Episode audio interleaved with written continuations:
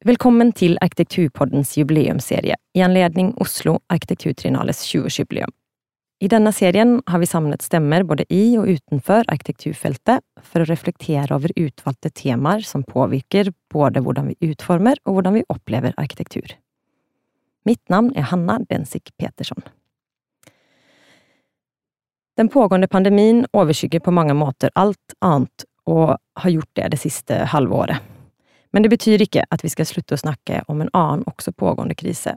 Jeg tenker på menneskets forhold til naturen, og ikke minst vårt enorme overforbruk. Spesielt her i vår del av verden. Så i dag skal vi ha klima i fokus.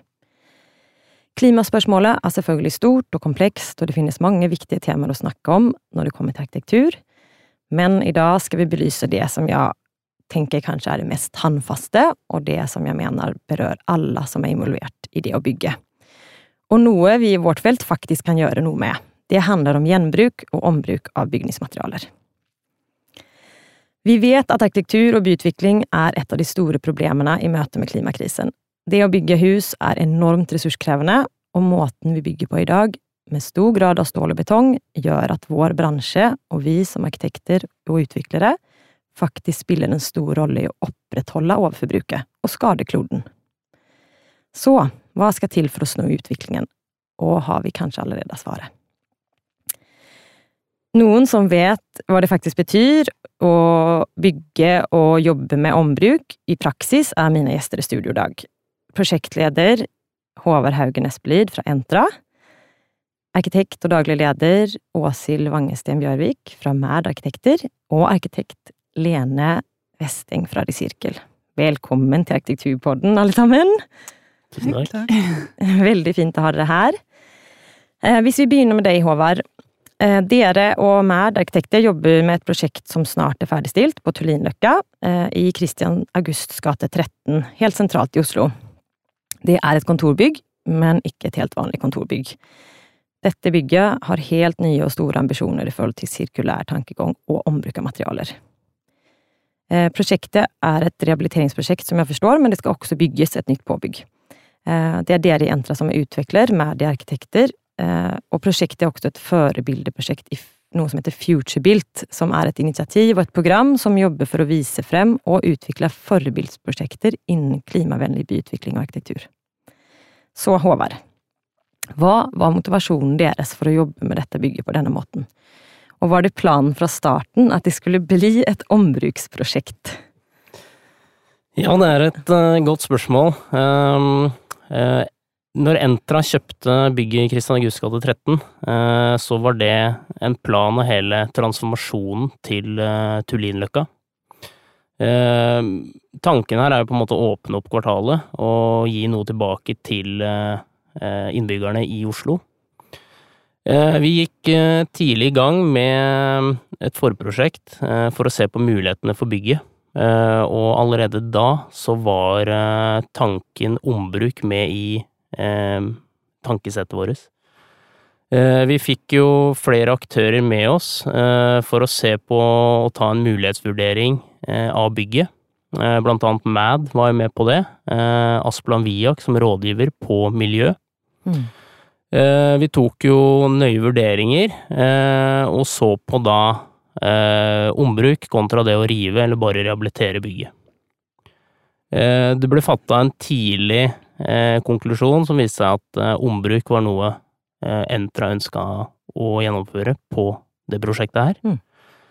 Vi fikk òg med oss uh, Spaces Coworking som en leietager, noe vi er avhengig av for å på en måte få i gang prosjektene våre. Og med de på laget, og Futurebuilt på laget, som òg på en måte har bistått oss med noen midler, så mm. begynte ballen å rulle. Ja. Spennende. Så det var jo jeg, kanskje ikke en helt opprinnelig idé, men at det var tidlig viste seg at det var, kunne vært interessant å jobbe med. Ja, det var eh, For oss i Entra så var det på en måte et naturlig valg. Ja. Eh, vi har jo alltid en ambisjon om å ha et pilotprosjekt i vår eh, portefølje. Mm. Vi har jo på en måte kjørt både Powerhouse Kjørbo og Powerhouse Brattørkaia i Trondheim. Som er hus som, som, som produserer sin ja. egen energi, ikke sant? Stemmer. Som mm. går i null. Mm. I en livsløpssyklus på 60 år. Ja, Eh, og derfor så på en måte så man det som et naturlig valg og da eh, prøve et ombruksprosjekt. Ja. Åshild, dere som arkitekter i prosjektet, eh, hva var deres rolle i forhold til denne høye ombruksambisjonen? Eh, som Håvard nevner at dere var involvert, men hadde dere jobbet med, det, med ombruk og på denne måten tidligere? Uh, ja, altså når det gjelder Vi, vi i MAD har jobbet mye med transformasjon av bygninger og mm. ganske komplekse prosjekter, så der har vi mye kunnskap. Men det å flytte og ombruke enkeltdeler og bygningskomponenter, det var ganske nye prosesser for mm. oss. Mm. Og så er det jo sånn at ombruk egentlig er noe man har drevet med siden tidenes morgen.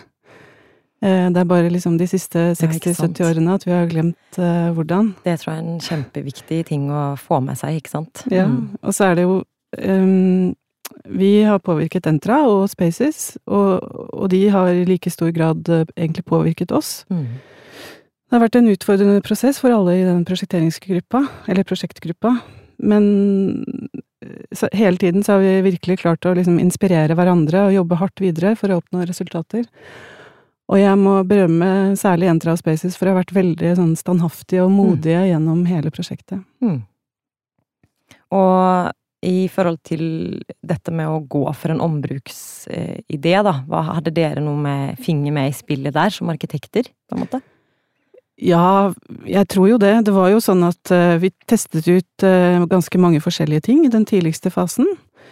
Um, men så er det jo sånn at Altså, Entra har jo i mange år uh, vært en drivkraft for klimavennlige bygg og hatt mange mm. pilotprosjekter. Mm. Og da vi fant sammen om den her ombrukstanken, så var vi jo veldig glad. Eh, vi hadde allerede i mange år sett etter et sånt pilotprosjekt. Eh, og så var det en litt sånn skrekkblandet eh, fryd, kanskje. men, men, ja. det, men det, var, det var stor entusiasme da, da ja. vi startet med prosjektet. Og vi, hadde, vi, var veldig glad for at vi hadde startet med det. Ja, Og i forhold til det å um, jobbe med ombruk da. Um, jeg tenker jo at det å bygge nytt gir stor frihet i forhold til utforming og mindre begrensninger enn å skulle bygge med noe som allerede er eksisterende. Eh, og skal man bygge med bygde og brukt, altså bygge med brukte materialer, så er det jo også mange liksom andre hensyn som må tas når man ikke trenger å tenke på det. Har det på en eller annen måte vært eh, begrensende for dere som arkitekter i forhold til utformingen? Ja, altså på noen måter er det det, og på måter, på andre måter ikke. Eh, det gjelder å bruke det man har, da, og sette det inn i en ny kontekst, og få det til å skinne. Og upcycle og lage gull av gråstein, og i sånne prosesser så er god arkitektur- og designkompetanse helt avgjørende. Mm. Og så er det jo sånn at i en sånn sirkulær byggebransje så, så ser vi at det krever mye dypere samarbeid og mye eh, høyere kompetanse, både hos prosjekterende og utførende. Eh, det en Det krever en veldig sånn dyp deltakelse, og det er veldig sånn uløselig knyttet til en sånn fysisk verden. Mm. For stikkord er sånn materialitet og kvalitet og mulighetsrom og håndverk. Ja. Og det å finne kreative løsninger for hva du egentlig kan gjøre med en liksom, stabel med byg brukte bygningsmaterialer, mm det, det svaret fins liksom i et sted eh, mellom materiale og idé. Og rollene både som arkitekt og rådgiver, men også som rådgivende håndverker, da, blir veldig viktig. Ja, det er jo interessant òg i forhold til det du nevnte i stad, med at 60-70 år siden så var det at det er kanskje egentlig ikke noe nytt å drive med ombruk. og mm. Man drev jo til og med og flyttet hele hus eh, før. At man plukket liksom hus ned, og så flyttet man de opp bygget de opp et annet sted. Ja. Så det er, jo, det er jo interessant at man på en eller annen måte må finne fram igjen, da. Kanskje den kunnskapen både hos arkitekter og de som bygger, og hos håndverkere. Mm. Det, ja, det er kanskje egentlig kreativt, men på en helt ny måte, da. At man må liksom utfordre sin kreativitet da, i mm. å, å, skulle forme. Og så ser vi også at god arkitektur og kvalitet i, liksom, i seg selv, det representerer veldig store verdier i et ombruksperspektiv. Mm. For det å lage tiltalende bygninger og byrom og materialer av god kvalitet, det innebærer langsiktighet og en mye større vilje til vedlikehold. Mm. Og et vakkert bygg, det blir varig fordi folk ønsker å beholde det, og det kan i seg selv være mye mer bærekraftig. Ja, ikke sant. Eh, prosjektet er jo som sagt ikke ferdigstilt helt enda, men hvis du skal trekke ut noen erfaringer allerede, og da spesielt knyttet til arkitektens rolle i å få til et mer klimavennlig byggeri, Um, hva er erfaringen i forhold til andre prosjekter dere jobber med nå i MAD?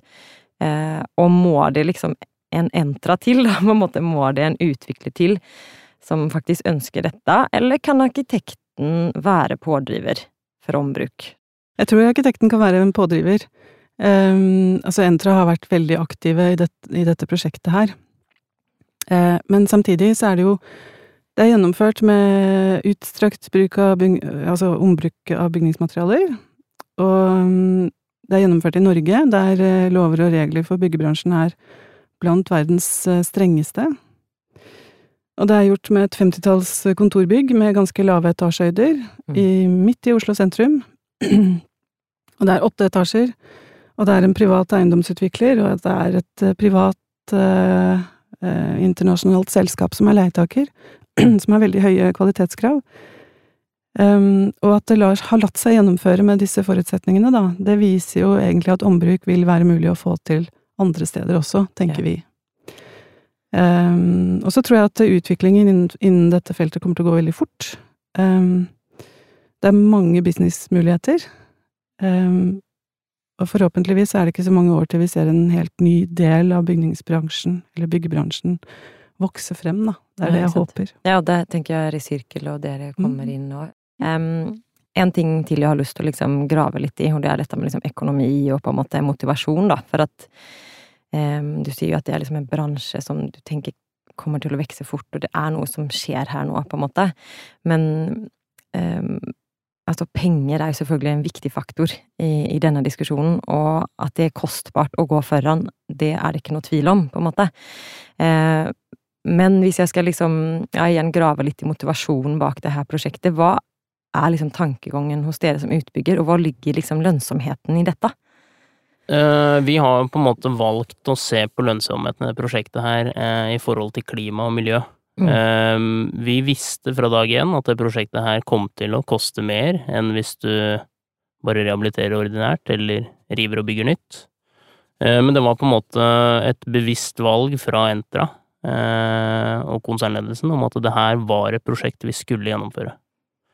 Eh, vi har jo på en måte fått mye utfordringer underveis, eh, og jeg tror nok på en måte det var vanskelig å forutse komplisiteten av prosjektet. Mm. Eh, både for Eller jeg vil si alle som har deltatt i prosjektet, både for arkitekt og eh, håndverkere og mm. rådgivere. Eh, det har vært eh, mye jobb, men vi er jo veldig fornøyd med resultatet, og veldig Må jo si at det har på en måte vært et vellykka prosjekt.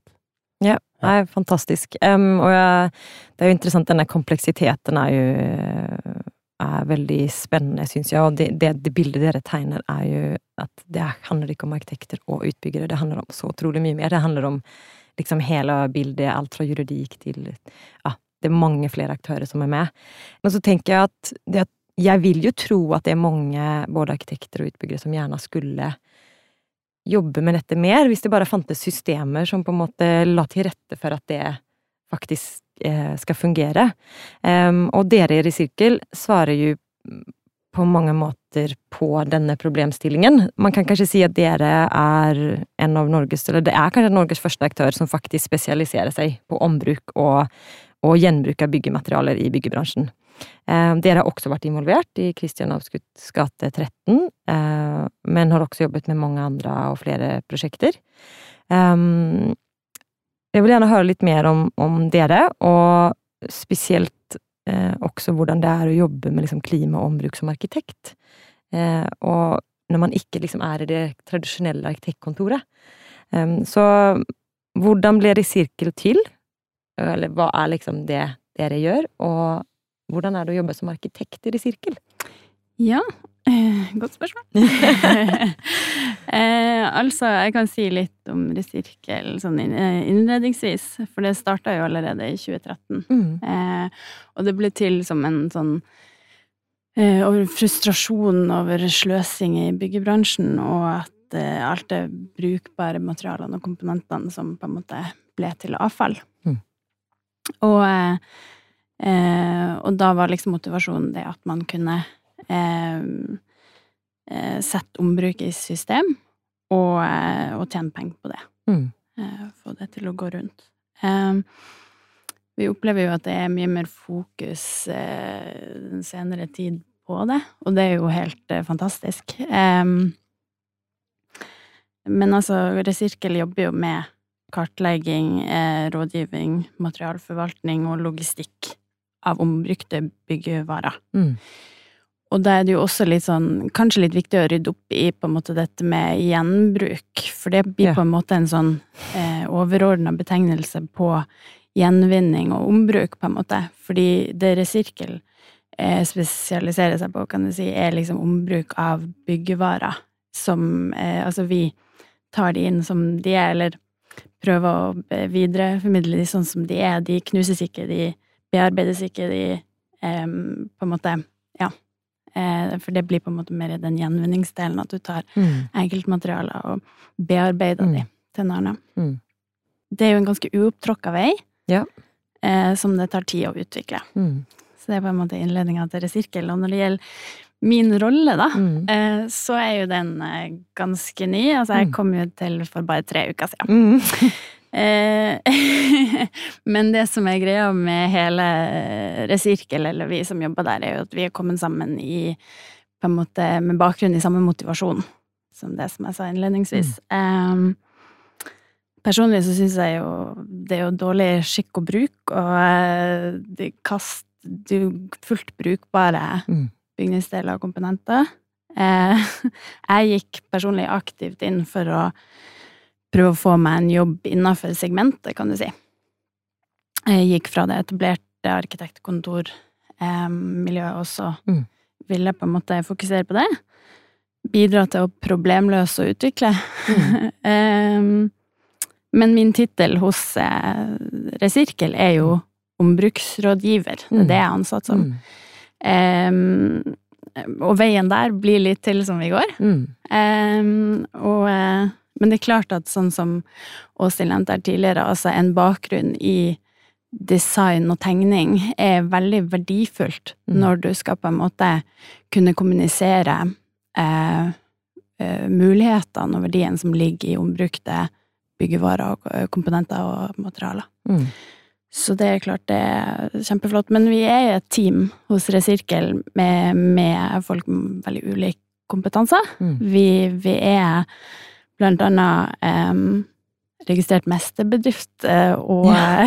har entreprenør, utvikler og uh, også arkitektkompetanse mm. under samme tak. Ja, nei, det er interessant. Det er jo liksom en ny en helt ny konstellasjon da, av på en måte kompetanse som kommer sammen, og det er jo det som er kanskje spennende nå med hele denne ombruksbransjen, da, hvis man kan kalle det det. Eh, at, eh, Absolutt. Ja, at man mm. liksom tar i bruk kompetanse på helt nye måter. Ja det er kjempespennende, og mm. som sagt Ja, og man ser jo at, altså, som du sa, det er jo det er noe som holder på å skje, eller egentlig flere av dere.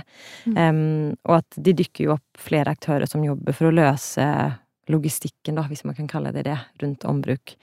Jeg snakket i forrige uke med uh, Rehub, uh, som er et initiativ fra Rambøll, som også driver og bygger opp en, en, en plattform for å, å gjenbruke, eller ikke gjenbruke, unnskyld, ombruke eh, materialer. Eh, og i Sverige fins det også noen prosjekter som liksom jobber med det samme. Men hvis du skal si noe om hva som er enklest å omsette, og hva som egentlig står i veien for at dette gjøres i enda større skala? Altså, det enkleste å omsette er nok eh, det som er ferdig, altså som har full dokumentasjon. Mm. Eh, og komponenter og materialer av nyere dato. Det er oh, ja, definitivt okay. det som er enklest å omsette. Um, det som er vanskeligst, opplever vi, det er jo selvfølgelig det som um, man må um, teste for å vite om holder krav, og som det ikke finnes allerede prosedyrer for å få det gjort. Så det handler da om at når noe er liksom en eldre byggevare, så ikke finnes ikke på en måte Altså papiret på, eller hva man skal si da, på en måte en ja. sertifisering. Mm. Uh, ja. Uh, ja.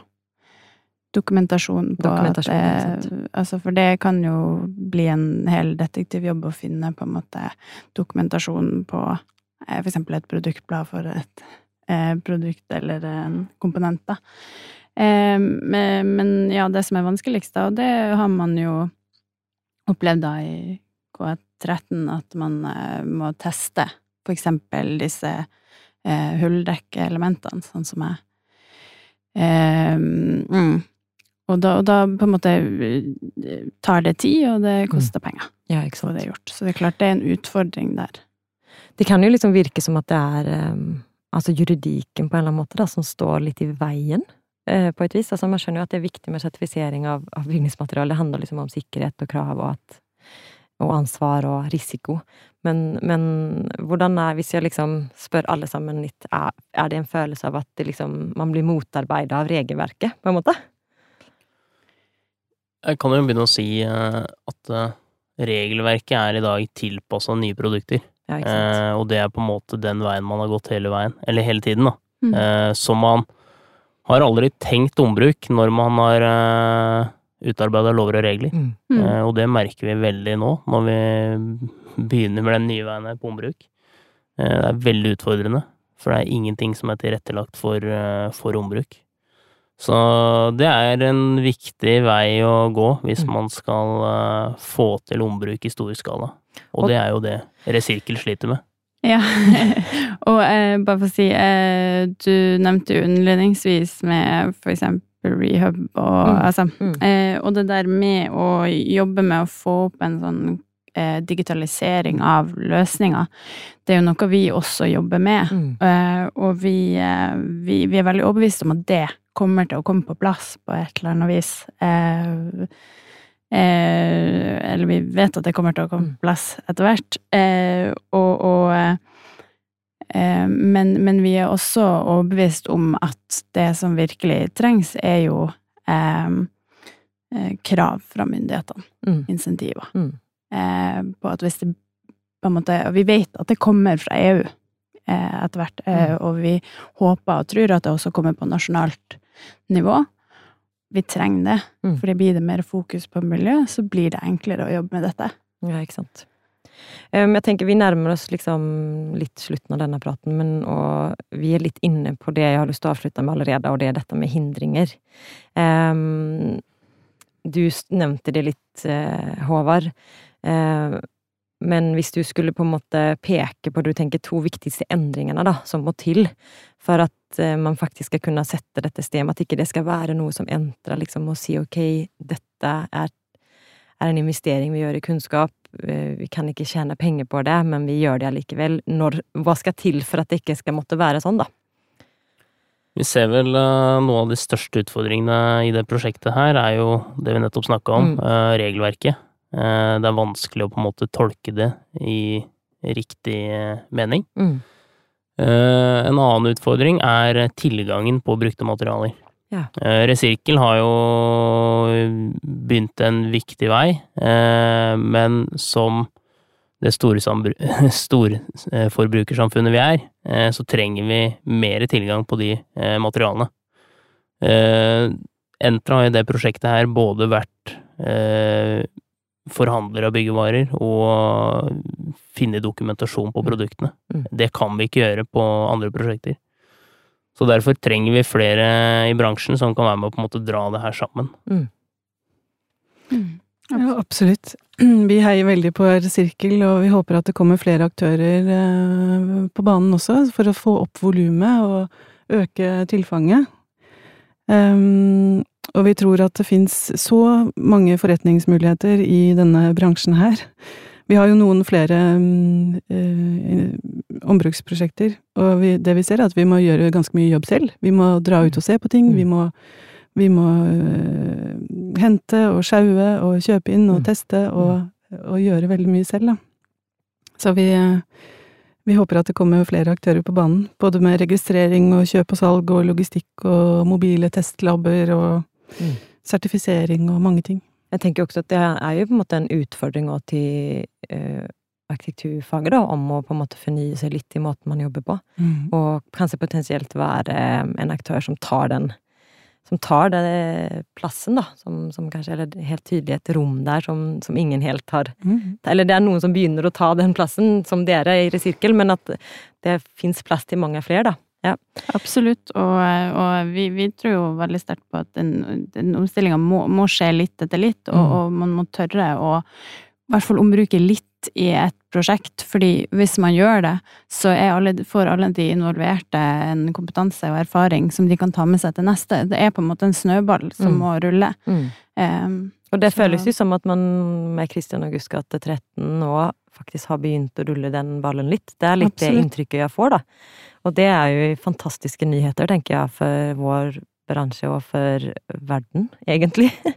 um, Men en siste ting jeg bare har lyst til å liksom spørre om, det, det med tilgang på materiale. Det er jo en, en kanskje egentlig nå en lik så interessant problemstilling, da. For det betyr jo da at man, når du skal rive noe, så må du på en måte det er, en, er det liksom en ny kompetanse som trengs der òg, når man liksom faktisk skal demontere Eller kanskje det må handle ikke om riving lenger, men om demontering, da. Og når du bygger nytt, dette med sertifisering eller jeg tenker bare at det er en sånn, virker som det er en sånn uendelig mengde med komplekse spørsmål om, om hva som skal til, da, men, men eh, hvem jobber med det? Hvem jobber med liksom nybrottsarbeid i forhold til riving av bygg? Ja, Åshild? Ja, um, altså med, med, et sånn ombruksprosjekt, da, sånn som Lene sier, så kommer det nok litt etter litt. Mm. Og, og, jeg merker at uh, mens vi har jobbet med det, så får man også en, en helt ny holdning til nybygg. Fordi du tenker på en annen måte. Eh, du tenker eh, eh, å tegne for demontering. Ja. Og du tegner for at det skal bli en, en mer sirkulær prosess, da. At mm. du kan ha fleksible løsninger og bruke ting igjen. Så er det en annen ting som er viktig erfaring, og det er at uh, kvalitet i byggematerialer, det er veldig viktig for å skape en sirkulær byggebransje. Fordi du kan godt si at uh, avfall er ressurser på avveie, men uh, hvis det er veldig lav kvalitet i det materialtilfanget, så er også liksom ressursnivået ganske lavt. Eh, så ombrukbare løsninger, eh, det, det, handler også mye om kvalitet i byggematerialene. Mm. Mm. Ja. Nei, kanskje det, det med sånn tegne for demontering, det blir en ny, ny episode i Arkitekturpodden. Mm. Eh, tusen, tusen takk for at dere kunne være med, og for at dere delte av erfaringer i dette viktige temaet. Tusen takk for at vi kom. Takk for oss. Takk for oss. Takk. Du har hørt en episode av Arkitekturpoddens jubileumsserie i anledning Oslo Arkitekturtrinalets 2020-jubileum. I de andre episodene snakker vi blant annet om mangfold og likestilling, arkitekturkritikk og om boligkvalitet. Vi høres.